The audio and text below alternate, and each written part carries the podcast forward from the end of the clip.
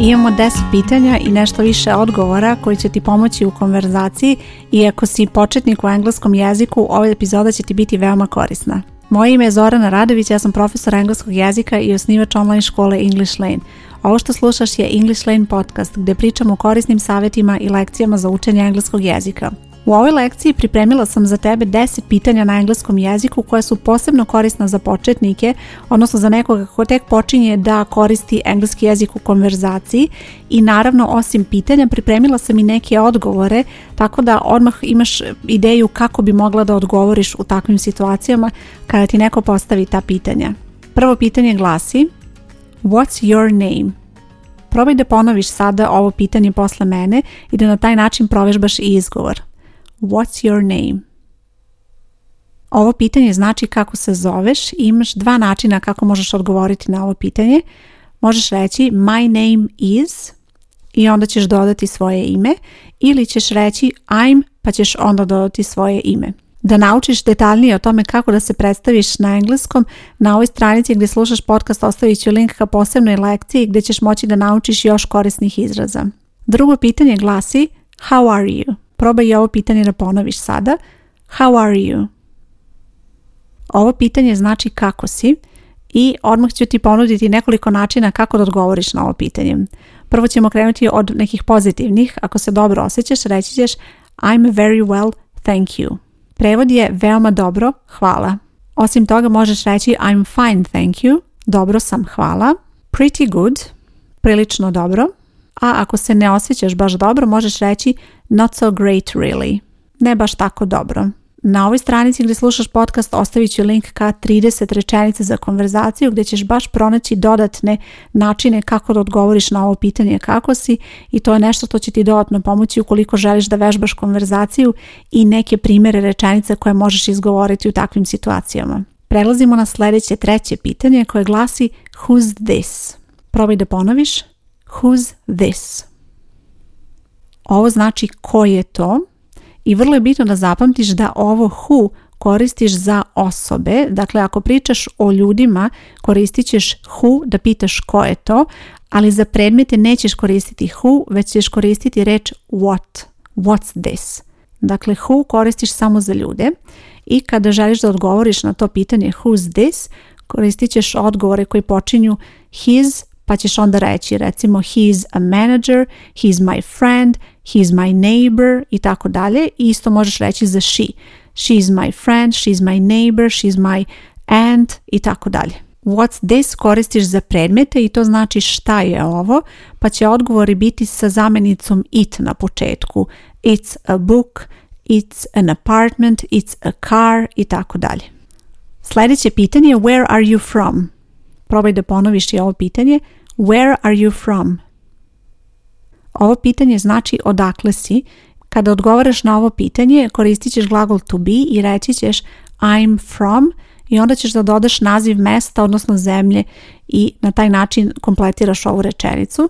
I zapamti da ispred naziva mesta i zemalja uglavnom se ne koristi član osim u nekim posebnim izuzecima.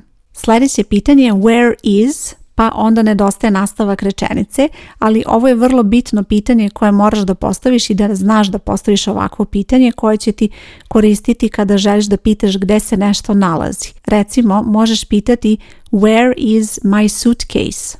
Gde je moj kofer? Ili where is the supermarket? Kada se recimo nalaziš u stranoj zemlji, pitaš gde je supermarket. Where is the supermarket? Kada je u pitanju očekivani odgovor na ovo pitanje, rečenica će krenuti it's pa će onda biti u nastavku rečenice gdje se to nešto nalazi. I recimo primjer, it's on the floor, na podu je. It's on the right, na desnoj strani je i tako dalje. Osim ovog predloga on koristi se i predlog in kada se nešto nalazi unutar nečega. It's in this building, na primjer, to je u ovoj zgradi. Ili it's under, It's under the table. To je ispod stola. Sljedeće pitanje koje će ti biti veoma korisno u konverzaciji, posebno ako si početnik, jer ćeš vrlo često biti u situaciji da ti neko nešto kaže na engleskom, a da ne razumeš baš najbolje šta je osoba rekla, bez obzira da li osoba kaže nešto suviše brzo ili možda spoji onako reči kada pričaju brzo, oni spajaju neke reči pa onda zvuče kao da je to jedna reč, ali u toj situaciji koristit ćeš ovo pitanje. Could you repeat that, please? Sad ću izgovoriti malo sporije da čuješ sve reči koje ja izgovaram tu. Could you repeat that, please? Naravno, nemoj da izgovaraš ovako reč po reč, već spoj to u rečenicu. Could you repeat that, please? Ova rečenica znači da li možete, molim vas, da ponovite. Ovo je veoma ljubazna rečenica koju koristiš kada želiš da pitaš nekoga da ponovi nešto. Sljedeće pitanje glasi Could I borrow this? Da li bih mogla da pozajmim ovo? Osim could, možeš reći i can. Can I borrow this? Razlika nije velika, samo što kada kažeš could zvučiš malo ljubaznije, tako da ako se nalaziš u nekoj situaciji gdje želiš da posebno budeš ljubazna, onda ćeš reći could, ali nije nikakva greška i da kažeš can u nekoj situaciji, posebno ako je neformalna konverzacija u pitanju. Can I borrow this? Odgovori u ovoj situaciji su yes, of course, da naravno, sure, naravno, no, I need it at the moment. Ne, potrebno mi je u ovom trenutku. To znači recimo ako tražiš da ti neko pozemi olovku kojom piše, a osoba piše sada u ovom trenutku i onda naravno u toj situaciji ne može da ti pozajmi, upotrebit će ovakav odgovor. Sljedeće pitanje glasi Could I ask you a question? probaj da ponoviš i ovo pitanje sa mnom. Could I ask you a question?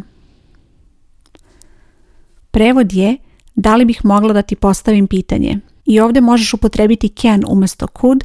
Can I ask you a question? Odgovori koje možeš očekivati su of course, naravno, sure. Naravno, odgovor može biti i jednostavno yes, da. Deveto pitanje je veoma korisno ako putuješ i koristiš engleski jezik i to je ovo pitanje. How much is this? Probaj da ponoviš. How much is this? Ovo pitanje znači koliko je to, odnosno koliko nešto košta i koristiš u situaciji kada želiš da pitaš za cenu nečega i odgovor koji očekuješ u toj situaciji počinje sa it's, pa će onda biti cena koju kaže osoba koja tu radi, recimo it's 20 euros. To je 20 evra. Ono što je česta greška je da se ovdje upotrebi meni umjesto much, ali zapamti da kada pitaš za cenu proizvoda treba da upotrebiš mač.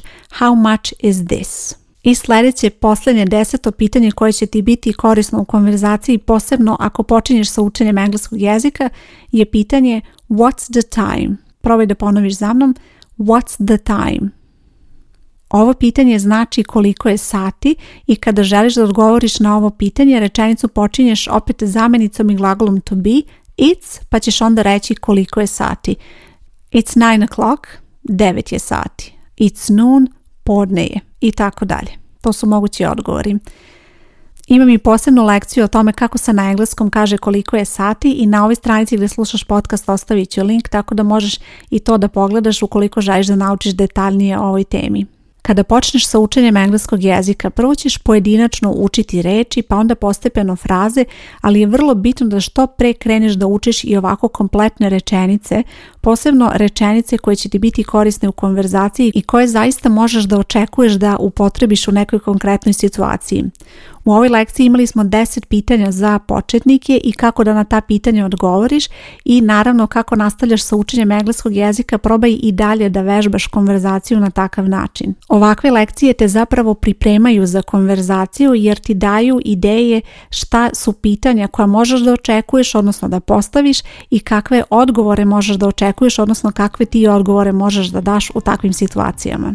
Ako ti je potrebna pomoć sa učenjem engleskog jezika i tražiš program koji će ti omogućiti da učiš engleski od kuće, pozivam te da pogledaš više o mojoj školi koja se zove English Lane. Na ovoj stranici gdje slušaš podcast bit će link ka školi ili možeš da potražiš English Lane online škola i tu ćeš pronaći sve detalje. Hvala ti što slušaš podcast, nadam se da ti je ova lekcija bila korisna. Ja sam Zorana Radović i čujemo se uskoro. Ćao!